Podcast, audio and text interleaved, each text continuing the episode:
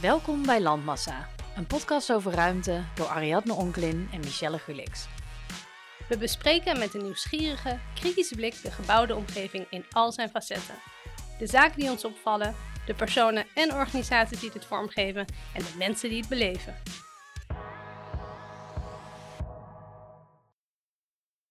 Hey Michelle.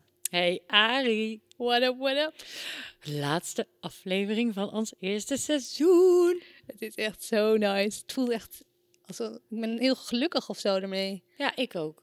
Eind van het, het voelt alsof het einde van het schooljaar is. Is het ook hè? eigenlijk? Eigenlijk wel, ja. Oh. Vakantietje. Ja, wat, wat eh, vond je het allerleukste van, eh, van eh, de afgelopen episode? Ik vond het eigenlijk gewoon in zijn algeheel één groot feest. Ik heb me zo vermaakt met het onderzoek doen en dit met jou lekker ouwe nelen. Ik ook. Het, en inderdaad, wat je zegt van het onderzoek doen en je, je verdiept je weer in allerlei gekke onderwerpen. En we ontdekken gewoon elke aflevering ook weer leuke dingen en hoe, hoe dingen werken en waarom dingen zo zijn. Ja. En daar word je toch blij van. Ook even een shout-out naar al onze fans, want we krijgen zulke leuke reacties. Ja, extreem leuk. We hebben de eh, best fans in the world. Echt hoor. hey, en eh Michi, Mhm. waar zitten we? We zitten weer op mijn, eh, mijn tijdelijke onderkomen. Wat ook waarschijnlijk de laatste keer gaat zijn dat we hier zitten. Want, jongens en meisjes, mijn verbouwing is bijna klaar. Oh my god. Yes. We moeten alleen nog... eh, de vloer moet erin en we moeten verven. That's it. En de Ehm, keuken? Is een soort beige. Klinkt een beetje kut, hè?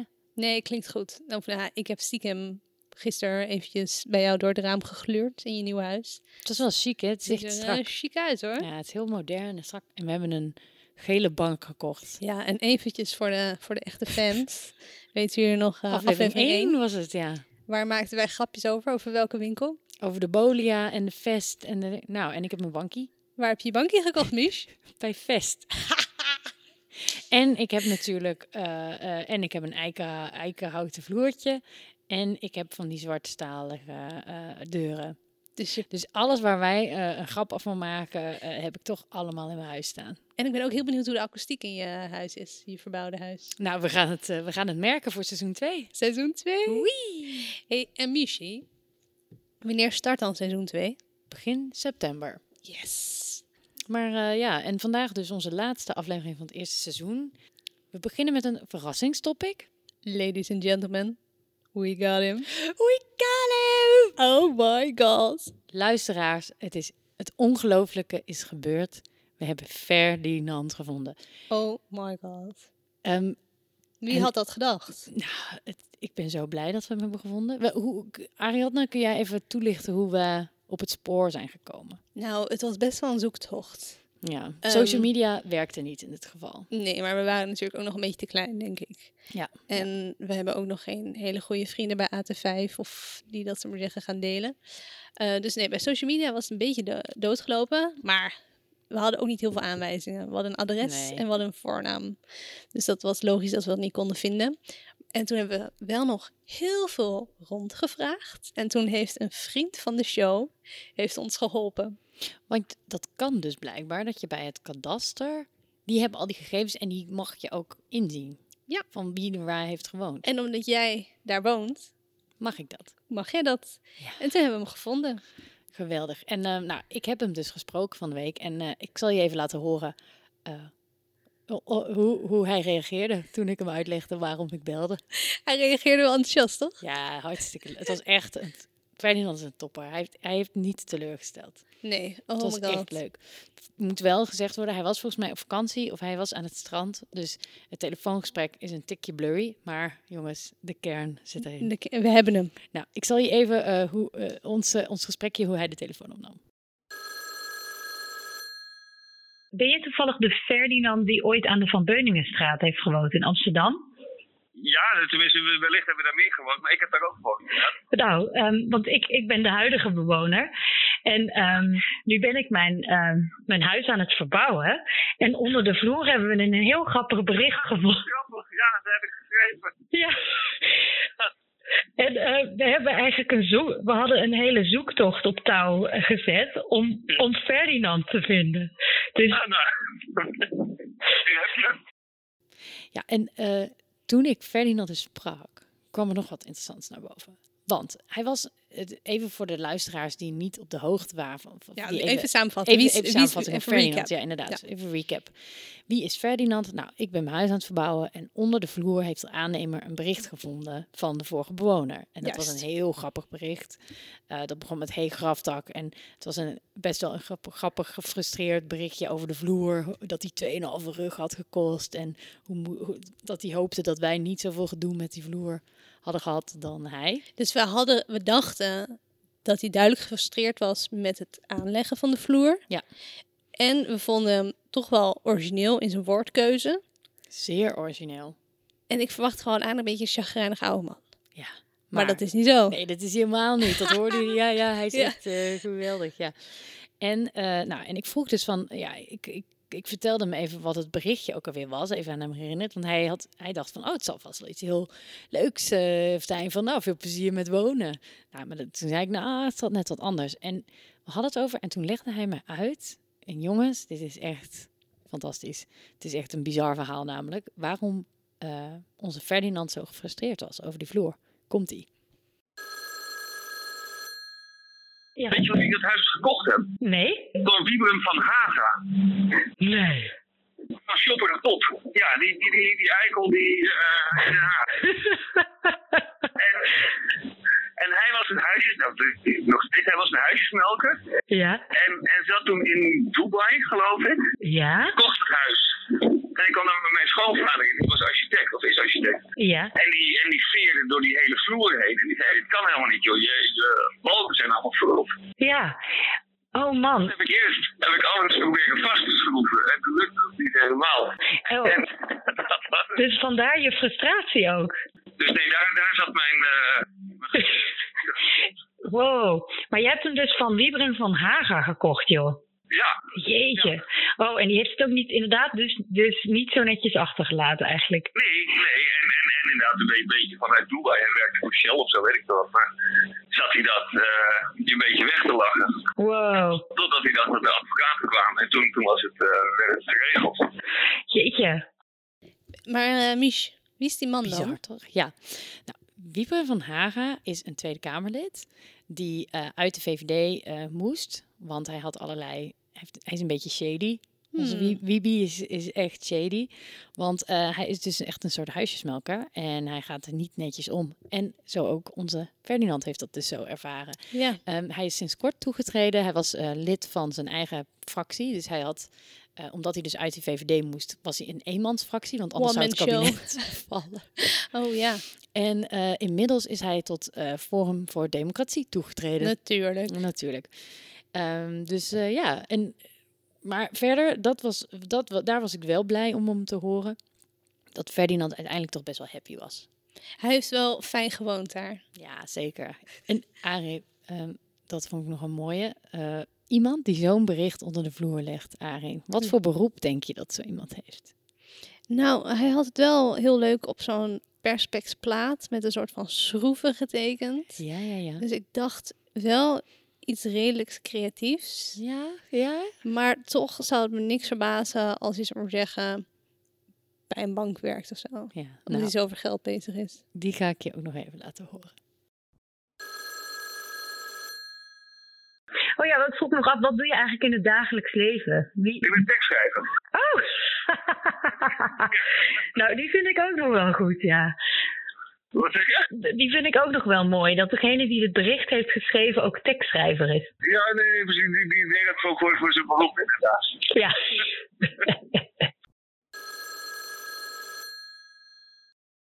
Een tekstschrijver? Mm, top, hè? Nou, maar inderdaad, we hebben dus Ferdinand gevonden. En het verhaal was nog beter. Gewoon vanwege die Wiebe van Haga. Zo'n fantastische beroep. En dat Ferdinand ook gewoon een super aardige gast was aan de telefoon. Shout-out naar Ferdi. Ferdi, als je luistert, je bent een topper. Echt leuk, Mich. Ik ben echt heel blij dat het is gelukt. Ja, ik denk ook. eh, dat alle luisteraars heel blij zijn dat we toch nog even dit seizoen Ferdi hebben weten te Ja, vinden. zeker. Weet je wat, wij, we moeten hem gewoon een keer uitnodigen. En gewoon even verder met hem babbelen. Ja. Dat is best een goed idee. Hm. hey, en Mich, waar gaan we nog meer over hebben vandaag? We hebben weer een leuke aflevering. Na die klapper kan het natuurlijk niet meer stuk. Nee, wat een top begin. Maar eh, we gaan lekker op reis. Want eh Arie, jij gaat wat vertellen over de Notre Dame. En de herbouw daarvan, geloof ik. Oh my god, jongens. Love it. Ja, goed zo. Notre Dame. Eh, ik ga het hebben over de, eh, eh, eh, de sprong over het ei in Amsterdam. Ik ben zo benieuwd. Wat dat is, hoor je zo. Goede aanloop nemen, denk ik. ja, inderdaad. Eh, en Arie, ik, eh, er staat op mijn lijstje het onderwerp koeltorens. Ja. Wat dat precies is, laat ik ook aan jou. Ja, je denkt echt zo, hè, wat fuck. Maar wacht maar af, jongens. Wacht maar af. Oh, heerlijk. En als laatste hebben we ook nog een klein onderwerpje. eh, waar ik, wat in het nieuws was deze week. En een bizar onderwerp. Ja. Eh, dat gaat over een nieuw instituut. Die waren niet zo lekker in het nieuws deze week. Nee, dus we zitten lekker op de actualiteit. En het is interessant. We gaan het even uitpluizen. Wat is er nou aan de hand? Wat is de deal? Nou, eh, let's go. Let's go!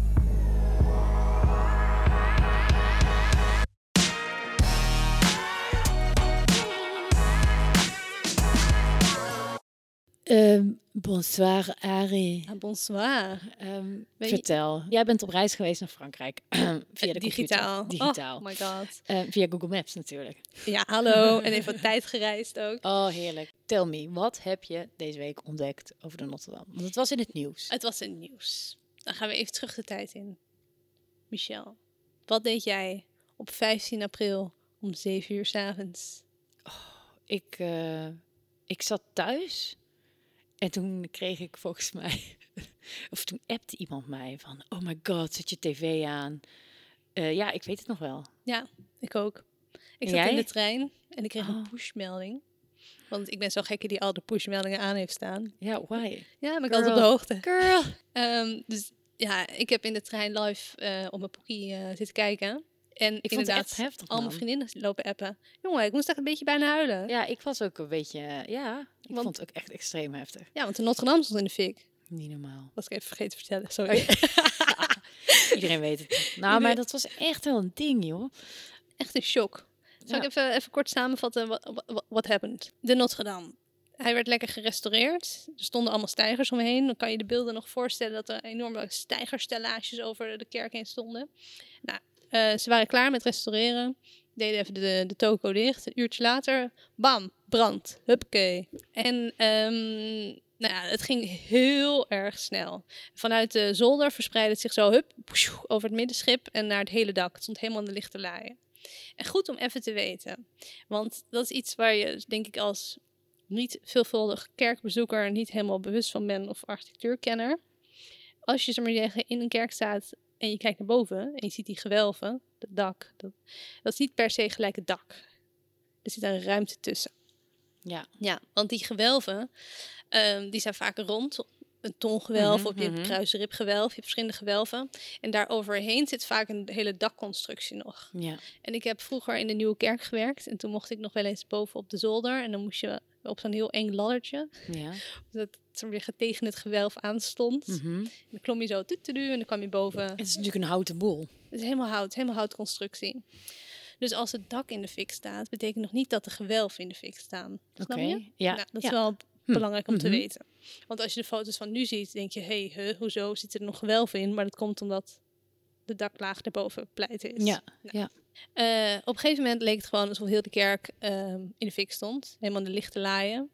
En op een gegeven moment heeft ook, is een deel van het dak ingestort. Dat hebben we ook gezien. Die torenspits, die kenmerkende spits bovenop ehm, de Mhm. kerk. Waar zeggen, het middenschip en het transept elkaar mieten eigenlijk, als een kruisvorm. Ja. Precies daarboven zat die torenspits. Die is in elkaar gestort. En toen dachten die Fransen, hoe de fuck gaan we dit blussen? Het was best moeilijk. Ze hadden 400 brandweerlieden ingezet, maar ja. Wow. die kan het niet bereiken. En ik weet nog, onze grote vriend Trump, die was alleen maar aan het twitteren... Zet van die eh, helikopters in, van die blushelikopters. Oh, Oh ja. ja. Ja, ja, Als je ja, dat ja. doet, dan stort de kerk sowieso in. Dat is Ja. veel te veel gewicht. Oké, nou, Vicky, uiteindelijk heeft het eh, bijna een dag gebrand of zo. Ja, ja, ja. Dat Best duurde wel wel lang. lang. Ja. Zal ik even vertellen wat er allemaal pleit is gegaan? ja, doe maar. Oh, misschien niet. De Vieringtoren, oftewel dus die, eh, die torenspits Die waar ik het ja. over had. Eh, de dakconstructie van eikenhout. En dat is echt Oh. erg.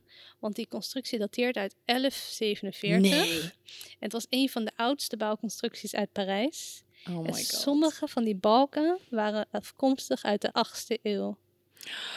Wow. I know, daar is echt wat history weggegaan. Jeetje. En er is nog zoveel meer pleit te gaan. Maar er is ook wat bewaard gebleven. Wat fijn. Wonder boven wonder.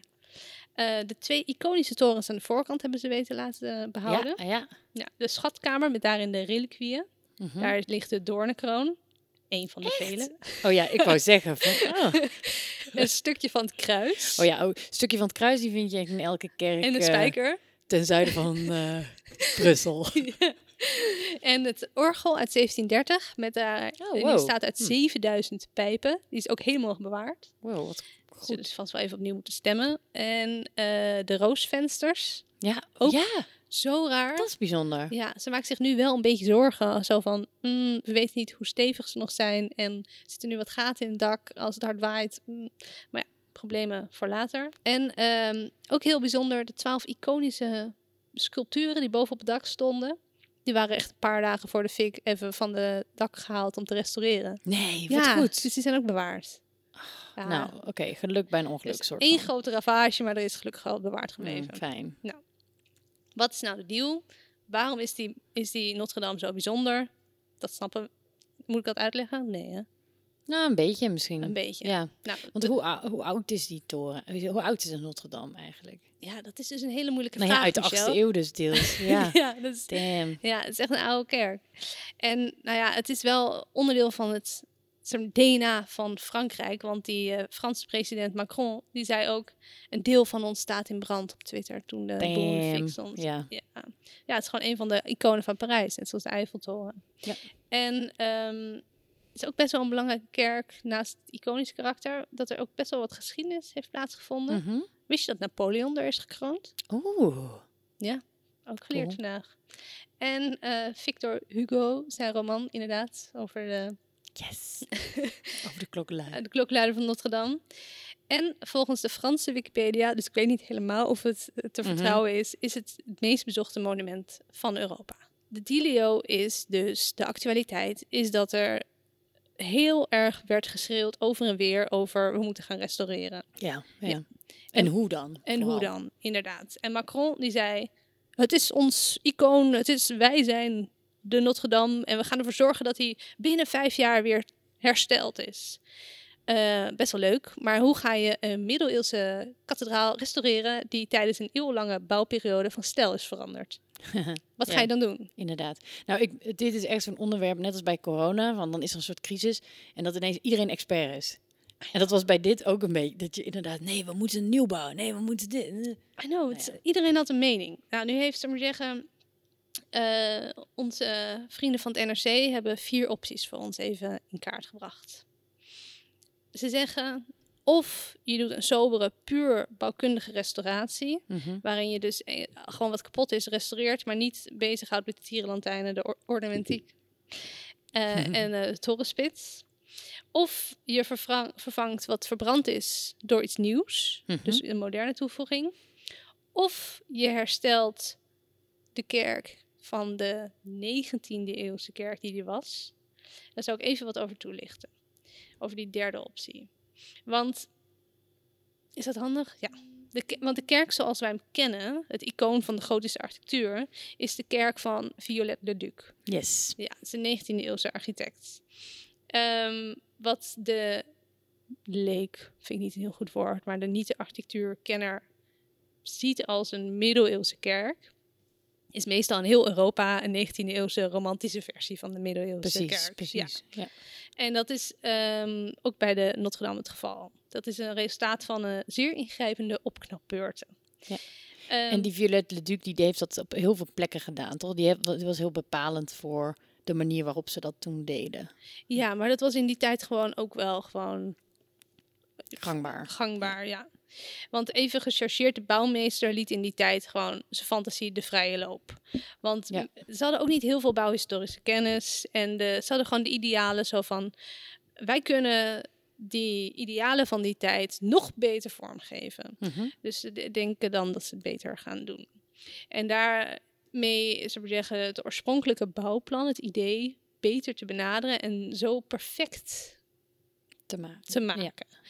Ehm, nou, eh Violet, Violet Leduc was een man van zijn tijd en heeft dus ook zo de Notre Dame ja, opgeknapt, om zo Mhm. maar te zeggen. Want hij kreeg die taak in de 19e eeuw om de boel te restaureren. En dat was ook wel nodig. En ehm, ik heb even een quote van de man zelf. Ja. van quoten. Restaureren van een gebouw is niet alleen het in stand houden of repareren. Het is ook het herstellen in een volledigheid zoals je die misschien nooit op een gegeven ogenblik heeft bestaan. Hm. Ja, dus hij... Dus hij is echt wel van, hij laat eigenlijk ook een beetje zijn eigen creativiteit, zijn eigen inzicht erop los. Het is niet dat hij gewoon, eh, eh, ja, hij, hij heeft er echt zijn eigen touch aan eigenlijk. Zeker. En hij zegt, gotiek, oké, gaan we doen. Middeleeuwse gotiek, Maar dan wel op mijn manier. Maar dan doen we het wel op deze manier. Ha. Want dat is het ideaal. Dat is de perfecte gotische vertaling Ja, van architectuur. ja.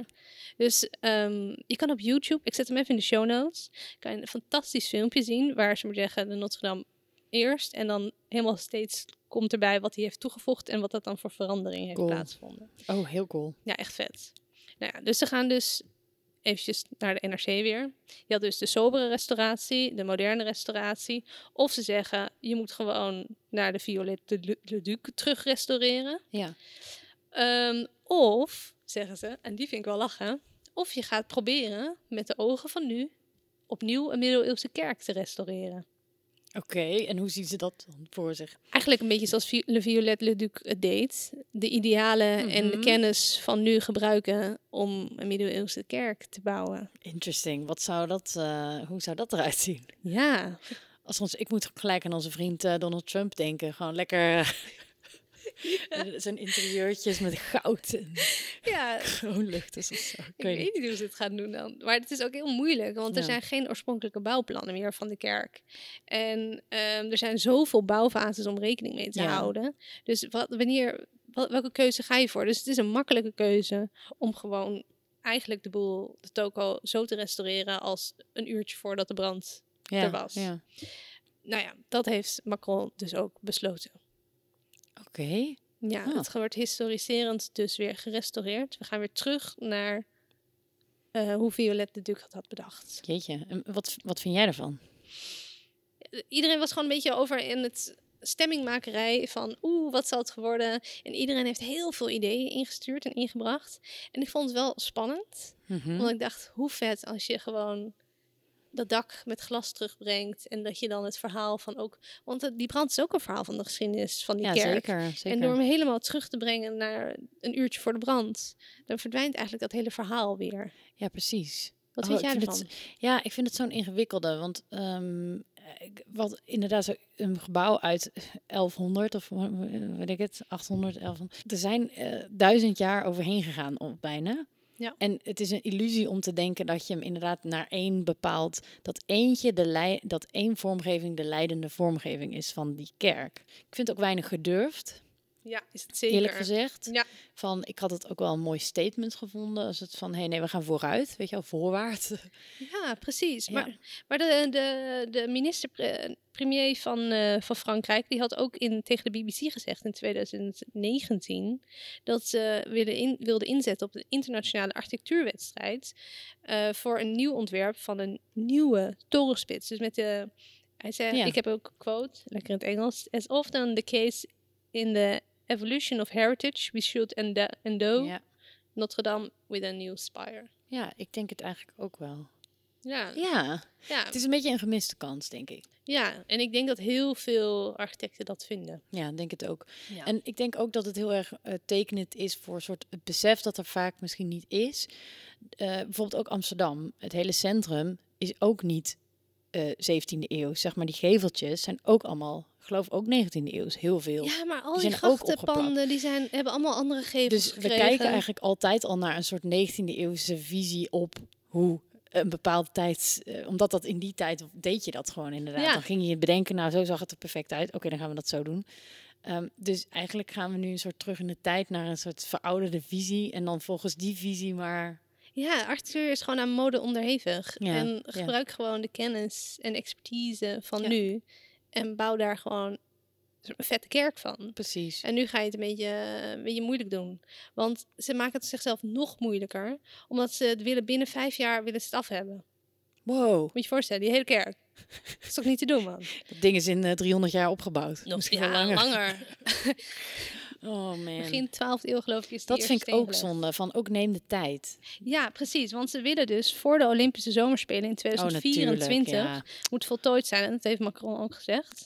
Er moet echt tempo gemaakt worden. Maar Nou, dat is altijd een teken van kwaliteit. precies, precies. Want er zijn nu 1170 experts. Die hebben met elkaar een petitie ingediend. En ze vragen om meer tijd voor onderzoek en mogelijkheid om Ja. rustig met een goed plan te komen en geen overhaaste beslissingen te nemen. Ja, heel goed. En dat Je is dus nu gebeurd. doen, ja. Precies. Nu hebben ze overhaast een beslissing genomen om te historiserend terug te gaan naar wat Ja. het was. En ze maken zich ook zorgen dat het behouden en zorgvuldig omgaan met, je, met het cultureel erfgoed niet een prioriteit is. Het, is- het UNESCO Werelderfgoed, hè? Ja. En daar hebben ze dus gelijk in. Want om haast te kunnen maken met de wederopbouw nam de Franse regering ook een noodwet aan laatst. Om op, deze, op een manier zeg maar zeggen, te kunnen werken dat er geen rekening gehouden moet worden met de regels voor het behoud van beschermd erfgoed. Echt? Dus ze doen allemaal zo van, oh, dit is heel belangrijk, dit is ons DNA. Maar als het erom gaat om zeg maar zeggen, er zorgvuldig om te gaan, gooien ze, gooien ze de regels gewoon Op in de hun topmonument. Ja, Ik denk dat het ook een politiek ding is. Inderdaad, dat, je, dat die Macron wil natuurlijk iets achterlaten. een legacy. Een legacy. En dat heeft hij dan gedaan. En kijk, als dat ding af, hoe het ook wordt, iedereen is blij als dat ding weer heel is. Ja, Dus hoe dat dan ook gebeurt, kan hem volgens mij aan zijn reet hoesten als het maar snel en ja. makkelijk. En dat is het makkelijkst, is gewoon nep nabouwen. ja, maar dan met wat er nog is, hoeven ze dus ook niet zorgvuldig om te gaan. Bizar. Bizar, toch? Ik vind Heel het raar. Heel raar. En weet je wie de gast is die dit allemaal mag doen? Philippe Vill- Villeneuve. Oh, en wie is die man? Ja, dat is, is de architect die de kerk gaat restaureren. Wiebre van Haga. En hij heeft eh, deze historische plannen gevormd. Hij is sinds 2013 hoofdarchitect van de Notre Dame. Dus hij was al bezig met die restauratie. Ja. Ehm, toen dacht ik, wat, wat, wat is dealio met een hoofdarchitect? Dus ik ben eventjes in, eh, in het Ja. internet gedoken. In Frankrijk hebben ze verschillende architectes en chef du monument historique. Ehm, ze hebben dus gewoon verschillende hoofdarchitecten in dienst. ja. Ehm, en ze worden mm, door middel van een wedstrijd op papier, een concours administratief en France, worden ze gevonden, die eh, hoofdarchitecten. En ze helpen de minister van Cultuur bij de uitvoering van haar missie om het architectonisch erfgoed te beschermen, te behouden en te verbeteren. Nou, dat, wat ze nu gaan doen is natuurlijk gewoon niet zo. niet, ja. Dus kun je Ehm, eigenlijk heel makkelijk iets tegen inbrengen, toch? Ja, maar deze man is dus ook eh, ridder in de orde van de kunst en letteren. Oh ja, ja, ja. Het is een Fra- Franse ereonderscheiding. mhm. En die wordt ook beheerd door het ministerie van Cultuur. Dus het is, hij, zit er gewoon, hij zit diep eh, met zijn vinger in de pap, zou ik maar zeggen. Ja. Hij is denk ik eigenlijk de Violette Leduc van de 21ste eeuw. Ja. Hij heeft dus nu inderdaad zijn mening Gewoon zijn doorgeduwd. eigen, zijn eigen... Hij wil gewoon ook zijn eigen ding doen. Ja, maar Haantjes. Franse haantjes. echt hè? Ja, erg. Jammer hè? En weet je wat ik ook vind? Het is ook al zo lang. eh er zijn zoveel goede voorbeelden van oude gebouwen die gewoon een nieuwe laag. En waardoor ze misschien zelfs beter zijn geworden. Ik denk altijd gelijk bijvoorbeeld de Rijksdag in Berlijn. Ja, Weet je, ehm, dat, dat is een, een, een. Volgens mij is iedereen er blij mee. En het voegt echt een nieuwe laag toe. En symbolisch en alle. Weet je, dat hadden ze hier ook kunnen doen, denk ik. ja, en als je het zo doet dat je het ook weer kan weghalen zonder dat je schade brengt aan het erfgoed wat Ja. er nog is. Maar nu gaan ze gewoon iets toevoegen waarvan ze zeggen, ja, het is gewoon oud, we brengen het terug. Maar ze houden helemaal geen rekening met erfgoed wat er nog is. Ik kan me er echt heel erg kwaad over maken. Ja, Crazy. Crazy. Maar ja, heel de wereld kijkt mee met deze restauratie. En ehm, ik vind tot nu toe dat er niet heel erg naar de experts is geluisterd. Nee. En ik Ik vind vind zo'n noodwet echt shocking. ja? En ik vind het ook heel erg jammer, want er zijn echt hele leuke dingen bedacht. In, in plaats van Ja, die, deze... Ik heb één gezien met zo'n glazen dak en met groene dingen. water planten. erop. Ja, Ja, en iemand had ook het helemaal doorgeslagen en een soort van raketlanceringsplatform bedacht. Maar dat kan allemaal, want je kan out of the box denken. Ja. Ehm, ik zet gewoon wat lekkere van die foto's in de show notes. ja En heerlijk. dan kan je gewoon even dromen over hoe het had kunnen zijn. Mm. Meh.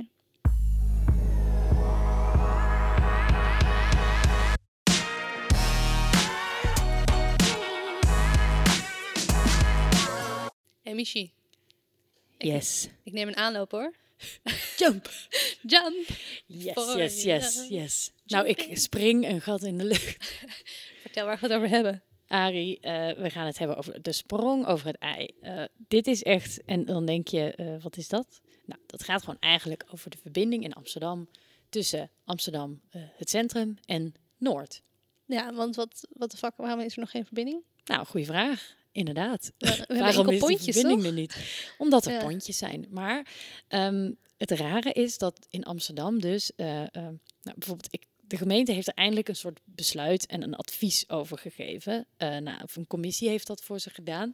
En eh, wat heel hilarisch is, is een van de eerste zinnen in, dat, in het bericht van... Nou, we hebben een keuze gemaakt over hoe we nou die sprong gaan maken. Want er moet een verbinding komen. Er moet een verbinding komen. Ja. Daar is iedereen het wel inmiddels over eens. Maar de gemeente zegt. Daarom zijn we al een tijd aan het bekijken hoe we de oversteek tussen Noord en de rest van de stad structureel kunnen verbeteren. Nou, al echt een hele tijd. Dat Want is een understatement. ja, de eerste plannen waren er dus al in de 19e eeuw. Niet. Heerlijk, want toen, toen had je nog niet... Ja, briljant. Dus we zijn al een tijd aan het bekijken. Ja, indeed. Nou, maar toen was dus tijd eh, genomen, ja, genomen, ja. ja. En toen was de wens heel anders, want de eerste plannen die waren er geloof ik al in 18, eh, geloof ik 18, eh, 1839. Ehm, toen was er al een aannemer uit Monnikendam Koning. en die zei toen van ja, al die boeren uit Waterland die naar de stad kwamen om hun goederen te verkopen en hun Mhm. producten, eh, dat was natuurlijk hartstikke onhandig met boten. En die zeiden, waarom maken we geen brug? Ja. En toen, nou ja, ging allemaal niet door, moeilijk, oorlogen, geldproblemen, is er nooit van gekomen. En eigenlijk zie je dat gewoon door de hele, sinds die tijd, elke paar jaar popt er weer een plan op of komt er iemand en die zegt, jongens, weet je wat nou echt een goed idee is? Een brug over het ei. Een brug over het ei. Nou, dan heb je vervolgens ook nog de discussie of het een brug moet zijn of een tunnel. Ja. Heb jij er een, heb jij er een mening over eigenlijk? Ehm, nou, ik ben een zuiderling. Ja. Dus ehm ik Ja, houdt die Noorderlingen liever Noord. Nee, ik bedoel, ik heb, ehm, voor, voor mij is het toch naar de stad, door de stad. Dus voor mij is die verbinding naar Noord niet zo essentieel. Ja. Ehm, maar als ik naar Noord wil, wat ik natuurlijk soms ook wel eens doe hoor, ehm, dan vraag ik me wel vaak af waarom sta ik hier op een pontje in de regen en valt mijn fiets om en waarom is er niet gewoon een tunnel? Want dat hebben ze in Antwerpen ook. Precies. Rotterdam. Ze hebben Ja. overal die tunnels, inderdaad. Ja. Het is heel logisch. En het is echt heel raar dat Amsterdam dat dus ook niet heeft. Ja, Ehm, met die Noord-Zuidlijn. ja, dus de metro lag er eerder dan een brug of een tunnel. Wat ook Best wel raar is. Als je toch een soort van buis in het water hijst, hij is er nog gewoon twee in. Precies. Ja. Nou, het, het is dus aan alle kanten heel maf dat Amsterdam gewoon nog niet eh, zo'n eh, brug heeft. Want een brug eh, in de hele wereld eigenlijk heeft zich gewoon bewezen. Als je één deel van de stad, waar veel wordt gebouwd, koppelt aan een historisch deel, nou, dan is dat eigenlijk altijd een groot succes. Nou, het grootste voorbeeld is natuurlijk Rotterdam. De Erasmusbrug, denk ik, in, die Ja. nog vers in het geheugen ligt van, nou, daar heeft echt zo'n brug die hele stad eh, eh, gelift. Anyway, Amsterdam is er nu heel serieus mee bezig. Toch wel? Voor de Zet ze weer opnieuw 800ste aan denken. Nou, ze hebben dus echt een commissie ingesteld, die, Ja. eh, want de verbinding moest er komen. Maar hoe dan? Ik weet niet of je nog een paar jaar geleden herinnert. Toen was er ook een, de, toen leefde die discussie ook. En toen was er heel erg plan voor de Java-brug. En dat was een Ja. brug van het Java-eiland in Amsterdam. Dat is aan de zuidkant zeg maar, van het ei. Om die naar Noord te leggen. Ja. Toen, toen ontstond daarover een discussie tussen de gemeente en het Rijk. Want het Rijk zei, ja, ehm, Amsterdam, jullie zijn een haven. Daar moeten gewoon mega grote schepen doorheen. En met Ja. een brug gaat dat niet lukken. Dus de cruise eh, terminal doe normaal, dat gaan we niet doen. En de cruise terminal, die moest dan eh, nou, de, verplaatsen. verplaatsen. Het was een en al gedoe. Het Rijk, gemeente, ze kwamen er niet uit. Hele, hele project afgeblazen.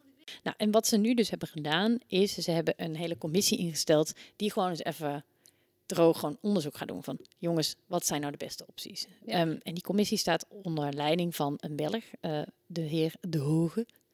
En waarom, deze En meer? eh, nou, die meneer had zichzelf echt extreem bewezen, blijkbaar in eh, België, in Antwerpen. Want daar, dat is ook zo'n stad met een haven die geen grote brug heeft. maar naar- die heeft die in tunnel. het centrum. Die hebben het tunneltje. Maar die ligt er al heel lang, toch? Ja, sinds de jaren 30 al. Sint-Anna-tunnel. Ja, Ja, met die houten roltrappen. Fantastisch. prachtig. Eh, dus die hebben dat in ieder geval, maar die hebben dat ook eigenlijk nodig. Gewoon, en het verkeer is daar een drama. En die, de Hoge heeft een aantal andere verkeerssituaties in de stad heeft hij heel goed opgelost. Dus hij weet, wist al die partijen op, op één lijn te krijgen voor ehm, een soort... ehm, de ring in Antwerpen moest worden gesloten. Nou, en hij is echt een van de mensen die dat dus voor elkaar heeft gekregen. Dus een heel moeilijk bestuurlijk proces. Knap. Heeft hij helemaal gewoon, Ja. bam, die gas heeft gedaan. Dus een goede, goede persoon. Ja. Nou, en eigenlijk eh, wat hun uitgangspunt is geweest van die commissie om nou te bepalen, want hoe bepaal je nou waar je een brug gaat leggen? Dat je dus eigenlijk met de fiets eh, ongeveer de, eh, de weg de Marnixstraat, eh Weteringschans, Sarfatistraat, dat je die helemaal door zou moeten kunnen fietsen naar Noord. Dus dat je eigenlijk een ring zou moeten kunnen. Een ring Fietsen. in een fietsring Ja. binnen de autoring. Ja. Dat is echt vet. Toch super slim. Ja. En ehm, daardoor hadden ze dus gezegd van eigenlijk moet je gewoon die missing links die daar liggen, eh, rondom het ei, die moet je gewoon oplossen. En hoe je dat dan doet, dat is dan de volgende vraag. Nou, en daar hebben ze dus ook over nagedacht. En dat is in Noord hadden ze dus ook zo'n stukje ring. Ja, ja, het, is het uitgangspunt is gewoon, je moet een cirkel maken. Dus dat je een ononderbroken route hebt. Eigenlijk heel slim. Heel simpel Heel eigenlijk. simpel. Nou, en eh, die eh, commissie heeft dus een paar weken geleden hun advies uitgesproken. En iedereen is volgens mij tot nu toe nog enthousiast. Zal Oh, ik nice. even... Ja, ik wil weten. Wat staat erin? want er zijn dus een aantal uitgangspunten. Nou, er moeten twee bruggen komen om inderdaad die ring rond te maken. Ja. Nou, die liggen eh, bij de, van de NSM, van NSM-terrein naar de Haparanda-dam. Dus Ja. dat is van de, zeg maar, de westkant Ja. eh, van de stad. En dan aan de andere kant van de eh, eh, Johan van Hasseltweg en Azartplein. Dat is Mhm. dus bij, dat is bij en Ben- KNSM ja. eiland, Java-eiland. En dan naar de overkant. Ja. Aan die kant. Dus dat zijn twee die inderdaad die ring compleet waren. En trams en bussen moeten daar ook overheen gaan. Dus het wordt langzaam verkeer, maar met OV. Ehm, nou, en dan hebben ze ook nog geadviseerd. Er is al één brug van, eh, eigenlijk van zuid naar noord, maar die zit heel erg aan de rand. Die zit namelijk bij de sluisbuurt. Dat is op een van de nie- eh, eilanden van Eiburg eigenlijk. En die gaat dan Zeeburg-eiland. ja, Zeeburg, eh ja, Zeeburg Eiland gaat hij naar Noord. Die moet worden uitgebreid, zodat daar een betere Ja, dat is de is. Amsterdambrug. Oh ja, Amsterdamse brug, ja. Amsterdambrug, ja. Dus die moeten beter. En er moeten twee nieuwe pontverbindingen komen, ook Ja. nog eens. Eh, dus Kop van Java-eiland naar het Hamerkwartier en Sporenburg naar Sluisbuurt. Ja. Dus dat is een beetje aan de andere kant. Ja. Eh, ja. En wat ze ook nog vinden, is een nieuwe voetgangerstunnel. En dat van is Centraal Station naar Noord.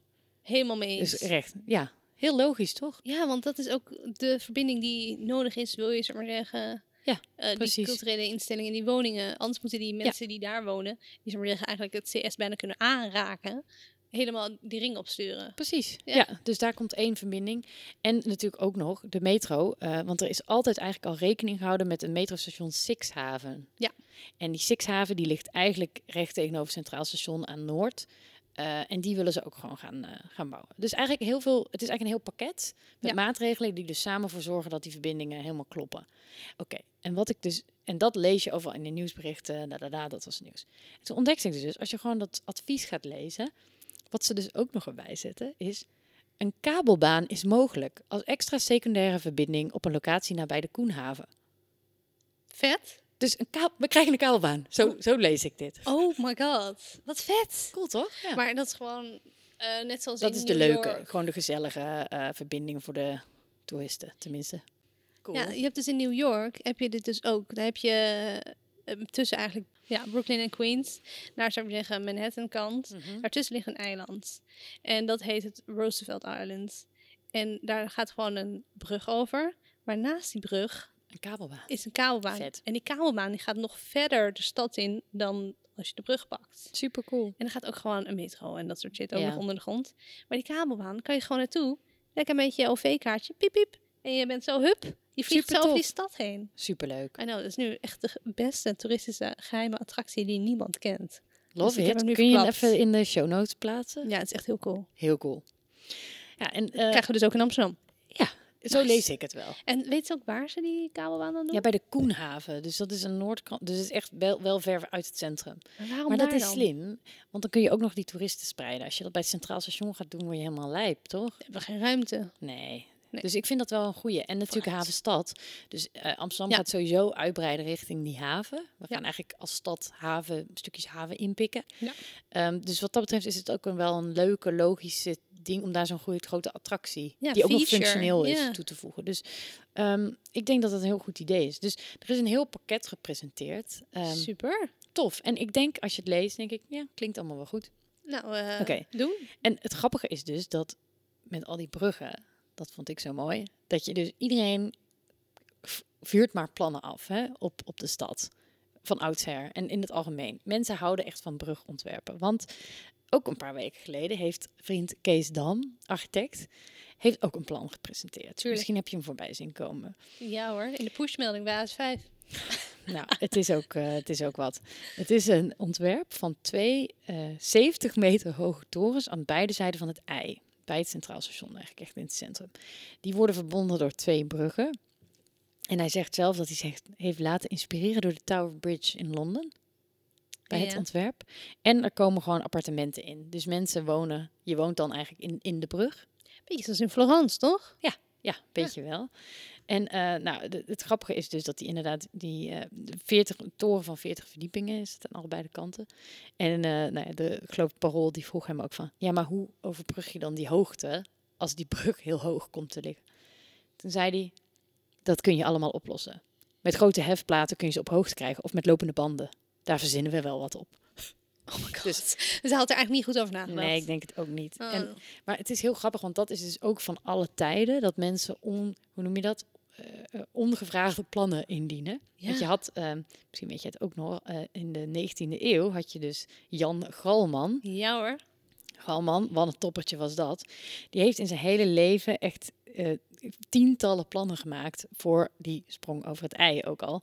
Dus hij had onder meer ook een soort Ponte Vecchio, net als in Florence, zo'n brug met allemaal eh, met bebouwing erop, ook bedacht eh, naar Noord. Dus het is heel grappig, vond ik, dat ook dat van Kees Dam, dat het eigenlijk gewoon Niet nieuw is. het, is- het is helemaal niet nieuw. Het, is, het bestond al lang.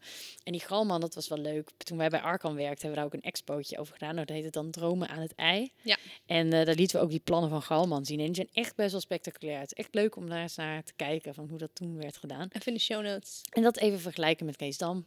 En kiezen wat je het leukst vindt. En eh, wat is nu de planning? Is er geld? Is er politieke Nou, dekking? Die Is kon ik nog niet vinden. Oh. Echt, het is gewoon het advies. En het advies vinden ze helemaal goed. En, en, eh, en, eh, en vinden ze leuk.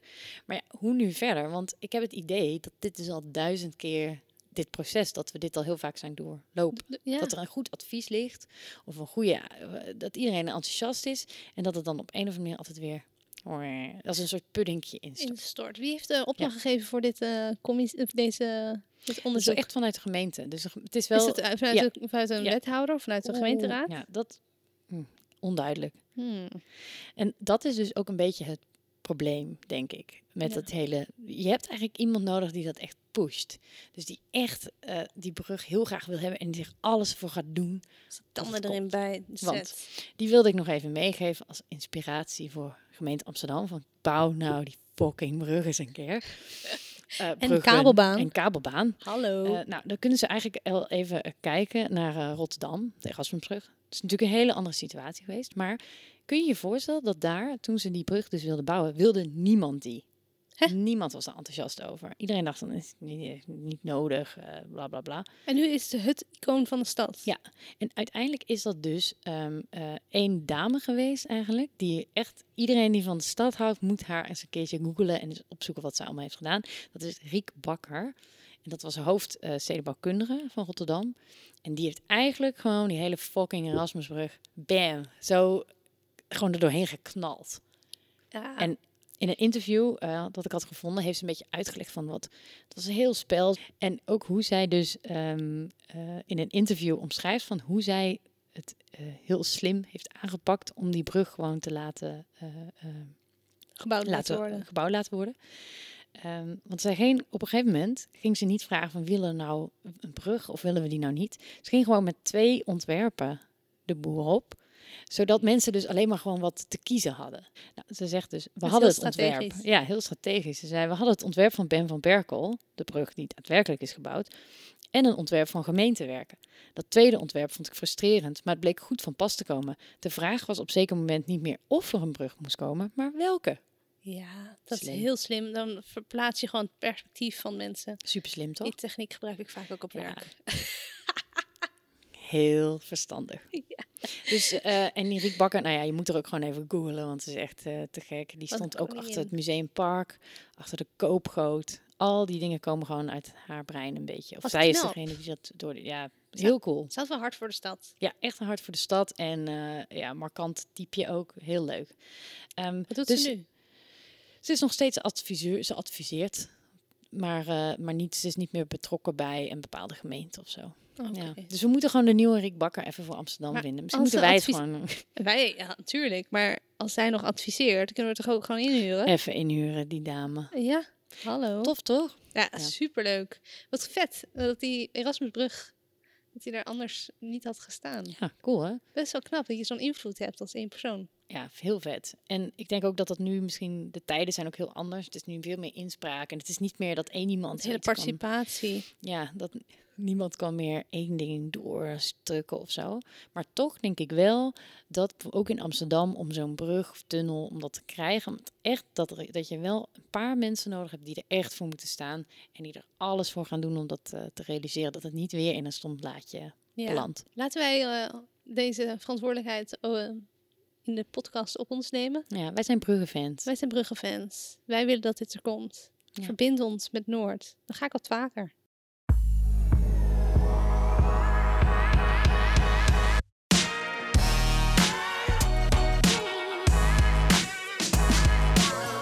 Oké, Arie, ehm, op ons lijstje vandaag stond ook koeltorens.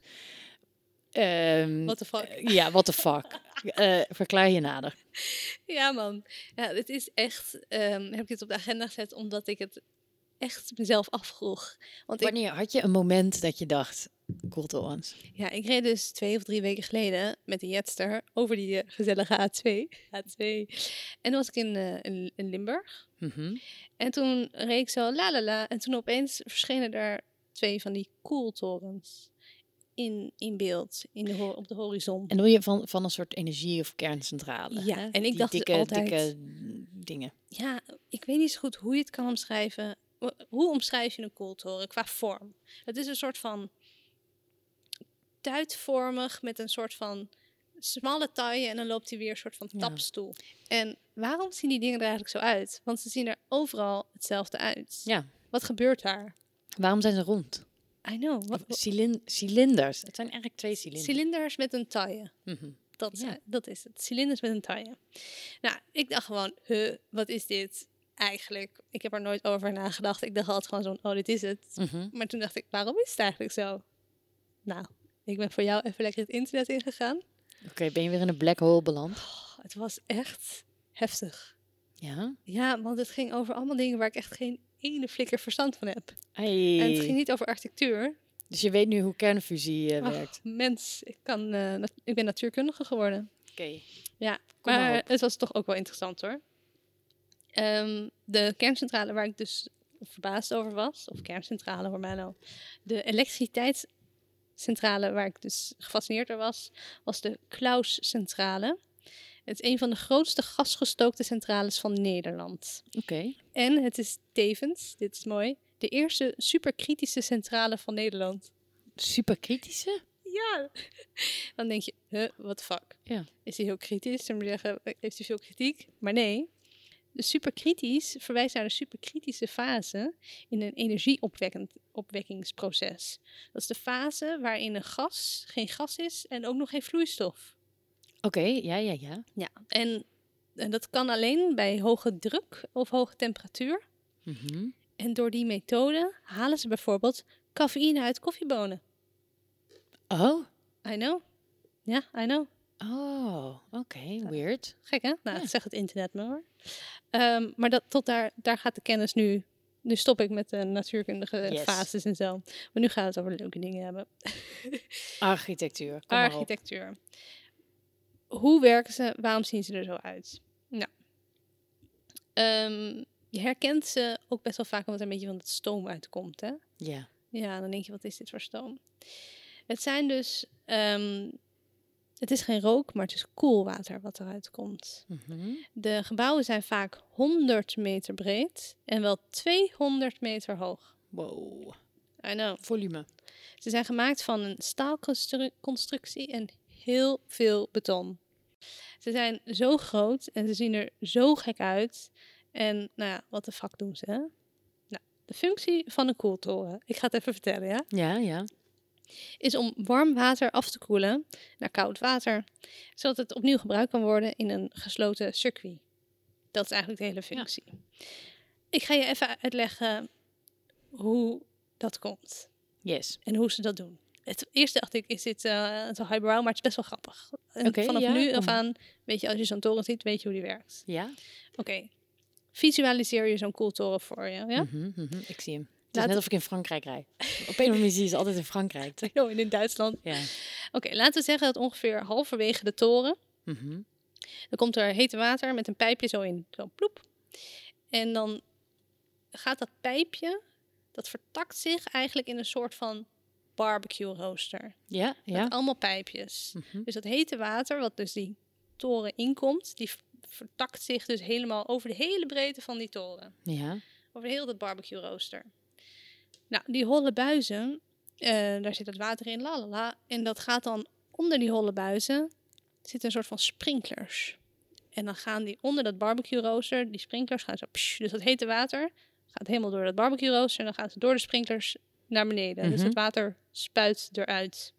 En dan valt dat water, wat dus spuit, dan is het niet meer één grote druppel, maar allemaal hele kleine druppeltjes. Ja. Ja, dat komt eigenlijk op een soort van honingraadstructuur terecht.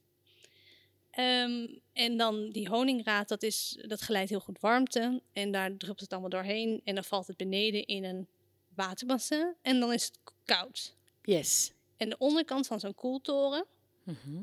is ook open. Wist je dat? Dus je denkt altijd heel veel Ah, beton, maar de ja. onderkant is dus open. Oké. Oh, weird. Ja. Ja, en Ja, je bent, het is ook zoiets waar je nooit dichtbij komt. Denk, je herkent ja, het alleen van afstand. Zij- ja. Ik zal even in de show notes een fotootje doen. Dan zie je hoe het van dichtbij uitziet. cool. Nou, wat gebeurt er nou? Hoe gaat dat dan dat water afkoelen? Want dat is de hele functie van de hele toren. Barbecue rooster, door de sprinklers, honingraad, waterbadje. Nee, het zegt fout. De magie vindt eigenlijk plaats tussen de sprinklers en de honingraadstructuur. Ja. Ehm, YouTube heeft me hier heel, bij goed, heel goed bij geholpen. Die man die zegt, lik eventjes bijvoorbeeld de achterkant van je hand. Mhm. Blaas je erop, dan voelt het koud aan. Dat is het principe wat ze daar... Eigenlijk wel, ja. Want bij het sproeien van het water uit de sprinklers op die structuur... komen al die kleine waterdruppeltjes, die warme waterdruppeltjes, in contact met lucht. En een deel van dat warme water zal gaan verdampen. Ja. En omdat het water verdampt, gaat de omliggende luchtstroming, dus de lucht die daar om dat waterdruppeltje heen zit, wat verdampt, neemt die warmte over. Waarmee dat verdampte waterdruppeltje de druppeltjes om zich heen koelt. Ja, Damn, dit is wel ingewikkeld, hè? ja, het is heel ingewikkeld. Maar ik heb het nu echt heel, heel, heel, heel Ja, simpel ja, ja. uitgelegd. De barbecue Ah. rooster, geef me even props voor deze omschrijving. Very nice. En de sprinklers. Nou, en hier komt dus de vorm van die fucking toren bij om de hoek kijken. Het schoorsteeneffect. Want warm gas heeft een lage dichtheid en dat gaat hup die toren omhoog. Ja, ja. En koud gas daalt. Dus de warme lucht, die, die dus dat verdampte water, verdampte Ja. water gaat hup omhoog die toren uit. En die koude lucht wordt aangevoerd aan de onderkant van de toren, waar die toren open is. Dus er komt steeds een soort van schoorsteeneffect, heeft die toren. Oh, Ja, snap je het nog? ik denk het wel. Oké, nou. de warme lucht gaat dus hups met heel die eh, lage dichtheid naar boven. Ja? En de andere waterdruppeltjes zijn dus afgekoeld omdat een deel zich verdampt. En dus gaat de warmte omhoog. En het water wat is afgekoeld gaat lekker in dat badje beneden lekker koud zijn. Ja. Dat is het hele idee. Ehm, dan denk je, doordat, waarom heeft hij dan die rare taille, die toren? Ja. Door die vorm wordt die snelheid van het waterdamp, zeg maar zeggen, die warme lucht, wordt versneld.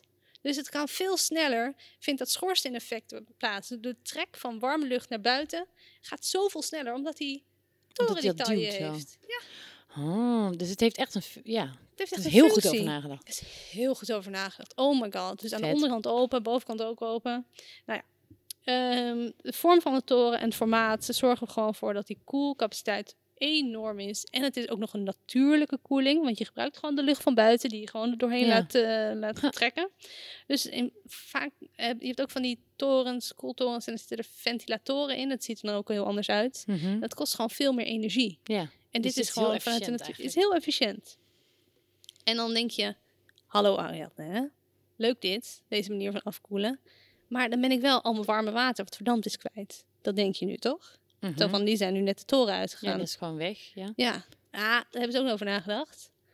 Vlak voordat die, dat water eruit gaat, komen ze een soort van luxefle- luxeflex structuur tegen. Weet je, de luxeflex Ja, die in je ja, raam ja. hangt? Ja, In plaats dat je hem, zo maar zeggen, verticaal hangt, eh, ligt hij er horizontaal. En warme lucht kan dus heel makkelijk van richting veranderen. Dus die gaat zo tu-tu-tu door dat rare hobbeltje ding, heen. Ja. Water kan dat dus niet. Dus die verdampte waterdruppeltjes, die blijven plakken en die druppelen weer lekker naar beneden. Dus het is recycled. Het is Eigenlijk. recycled. Wow, wow wat, een, wat een proces. Wat eigenlijk een heel simpele structuur voor een heel ingewikkeld proces. I nee? know. Ja. Best wel cool, hè? Wow. En nu denk jij, Arie is klaar met deze leuke feitjes. Mm. Maar nee, er komt even een topper aan het einde. Ja, ja, ja. Die gekke vorm van die koeltorens zijn dus bedacht en gepatenteerd door een Nederlander. Echt? Ja. Wie is deze heer of dame? Frederik van Iterson, hoogleraar werktuigbouwkunde. Van Iterson. Die naam ken ik wel ergens van. Die heb ik wel eens gehoord. Kan wel. Hm. Nou. Wikipedia. Hij eh, ontwierp een zelfdragende constructie van gewapend beton. En oh, hier heb ik opgeschreven hoe de vorm heet. Voor de cilinder met, eh met taille. Hyperboloïde vorm heet dit. Hyperboloïde. Oké, Ja, ga je cool. ook onthouden nu voortaan. Ja. Ehm, begin 20e eeuw heeft hij het bedacht. En eh, het staat nu overal in de wereld. Ze hebben de eerste gebouwd in, de- in Rusland. Ha. Grappig, hè? Ja, nou, Dutch Pride. Inderdaad. Dus nu elke keer als je langs rijdt, denk je... hey, bedacht door een Nederlander. hey, het is heel erg cool dat dit, we zeggen, met gewone lucht gebeurt. Het water wordt lekker gekoeld. Wordt geen energie Top. Je weet helemaal hoe het werkt. Very nice. En vergeet vooral het barbecue rooster niet.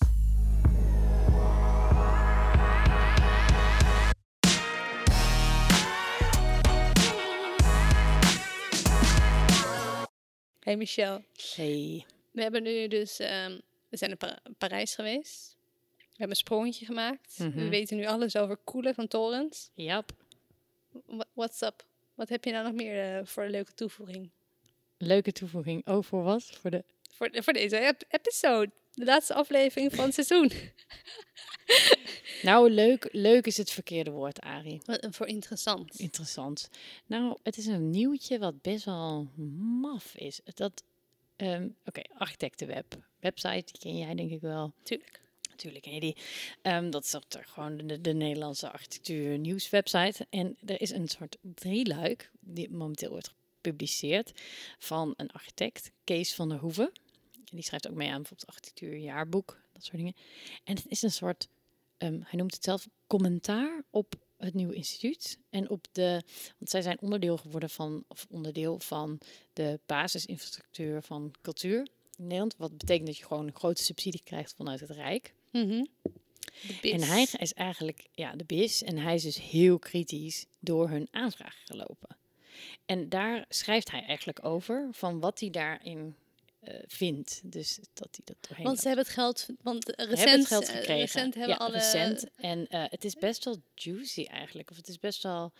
ehm, ja, ik vond het vervelend om te horen. Ik heb ooit een stage gelopen en nou ja, ik vind het gewoon wel tof. Ik, nou ja, toen was het nog NAI trouwens. Toen was het Ja. nog het Nederlands Architectuurinstituut. Inmiddels is het het nieuwe instituut, omdat onder meer digitale cultuur bijvoorbeeld er ook aan toe is gevoegd.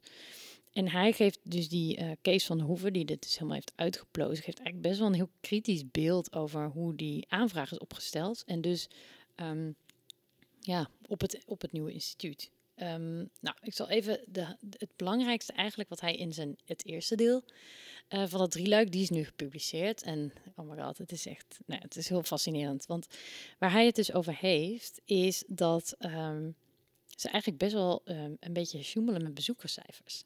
In de aanvraag. Nou, en ehm, eh, in de aanvraag stond dus blijkbaar dat in 2018 dat er 656.000 eh, bezoekers kwamen. Is Nieuw Best een boel. Dat is best een boel, want ehm, die zijn vergelijkbaar met de bezoekcijfers van het Stedelijk in Amsterdam, Stedelijk Museum. Wat? En het gemeentemuseum. Het is meer dan het gemeentemuseum en het Mauritshuis in Den Haag. Dat is echt niet waar. Altijd als ik in het nieuwe instituut ben, ben ik de enige. dat is toch wel waar? Ja, ja, ja het is gewoon, eh, het is zeker niet, eh, nou ja, als je Mauritshuis, Stedelijk, ja, dat is altijd volle bak. Ja. Dus, ehm, dus hij ging, dat, dat triggerde bij die auteur gewoon van, nou, hoe zit dat dan? Nou, en het Nieuwe Instituut schrijft dat in 2018 dus, ehm, dat er ongeveer 426.000 mensen op bezoek waren bij evenementen in het buitenland waarbij het instituut betrokken was. Dus dat is, nou ja, op zich, oké, dat kan.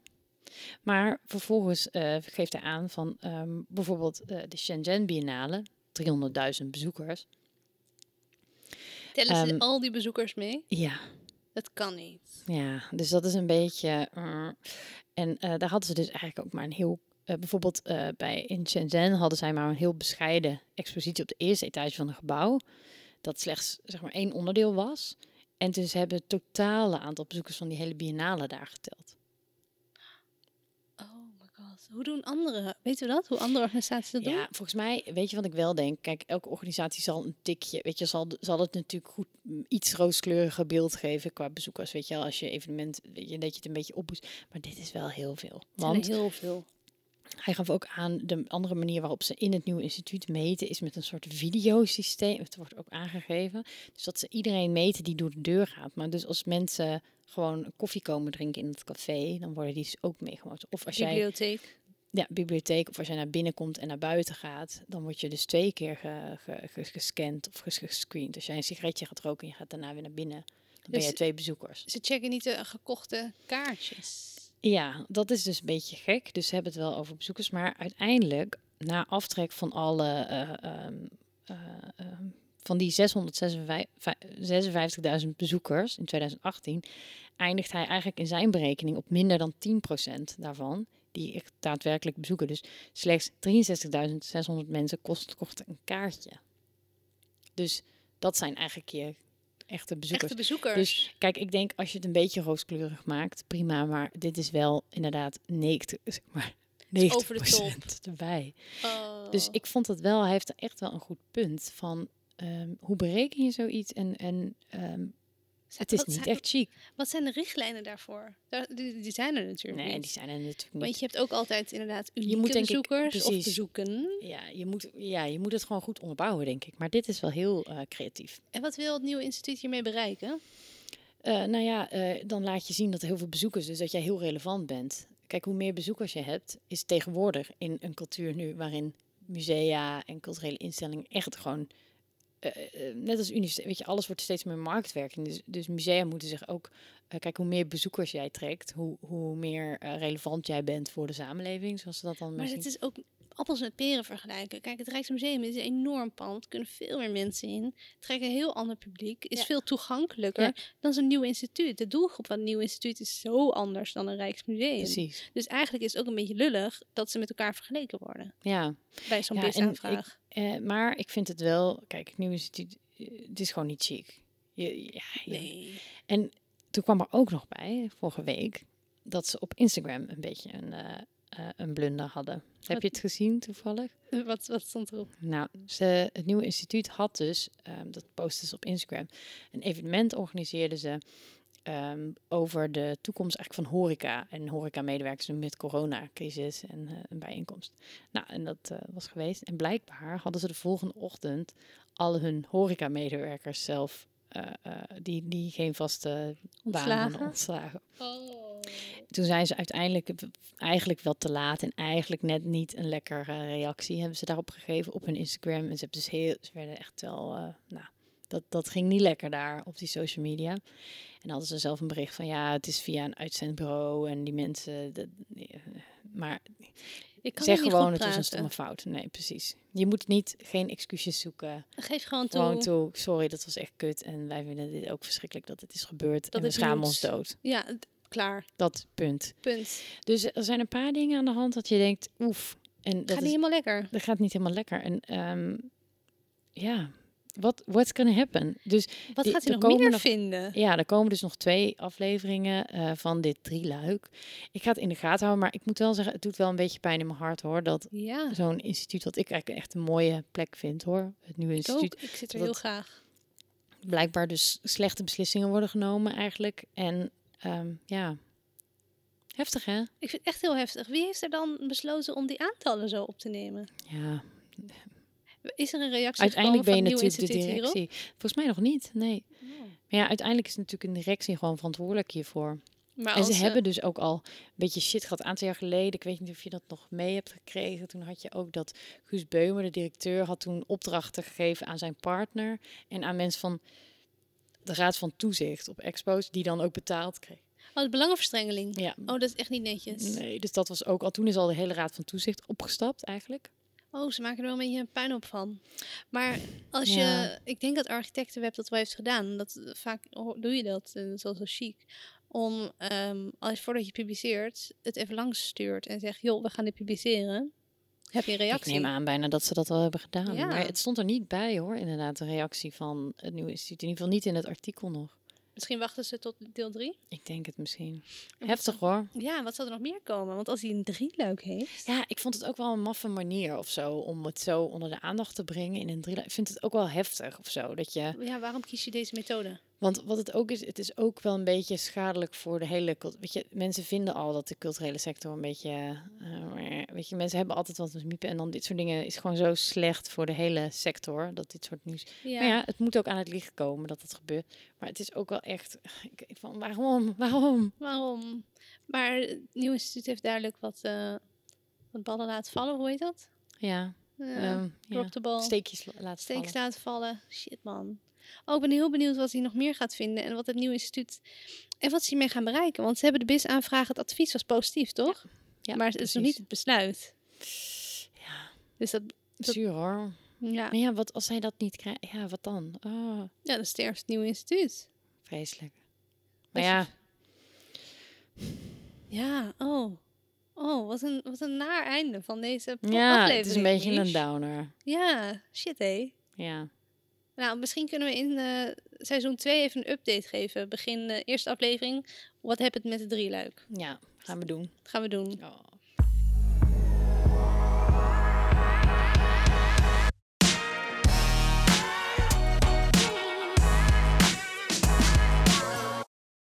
En Michel lekker naar Italy. Italia. Italië. Heerlijk. Ik heb zoveel zin in mijn vakantie. Ja, ik Ah. ben echt jealous. Maar wat een topseizoen. We hebben zelfs een samenwerking gehad. Ja, I know, we zijn echt bonusafleveringen.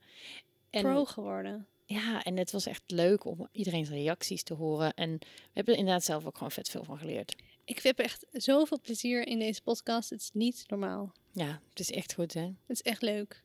En eh, we gaan dus nu even een maandje heel hard chillen. Zeker En dan weten. komen we in september komen we gezellig terug met seizoen 2. Ja, dan zijn we er weer. Dan zijn we er weer. En ehm, nou, we hebben zelf nog een enorme lijst met fantastische items. Zeker weten. Maar misschien hebben jullie ook nog wat tips. Ja, want we krijgen regelmatig als je me inspreekt. Heb je, heb je hier al aan gedacht? Ehm, Stuur ons een mailtje.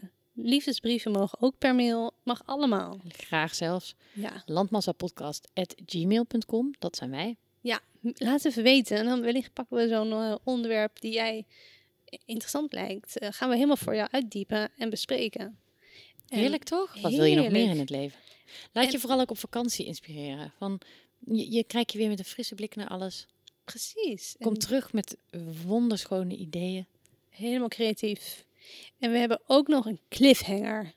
Pam, pam, pam. Jazeker, jongens en meisjes. Oh Ehm, my god. Nu kunnen jullie niet wachten tot het september is. Arie, oh vertel eens wat, er- wa- wat is er gebeurd. Ladies and gentlemen, we got him. We hebben nog iemand gevonden. Yes! Het is gelukt. We hebben de kunstenaar gevonden van het landart kunstwerk naast de A2. Woehoe! Eh, verder zeg ik niks. Je wacht maar gewoon lekker tot eh, september. En dan ga ik je alles vertellen. Ja, we zien je heel graag terug na de zomervakantie. Lekker genieten van het zonnetje. En tot snel weer. Doei! Doei!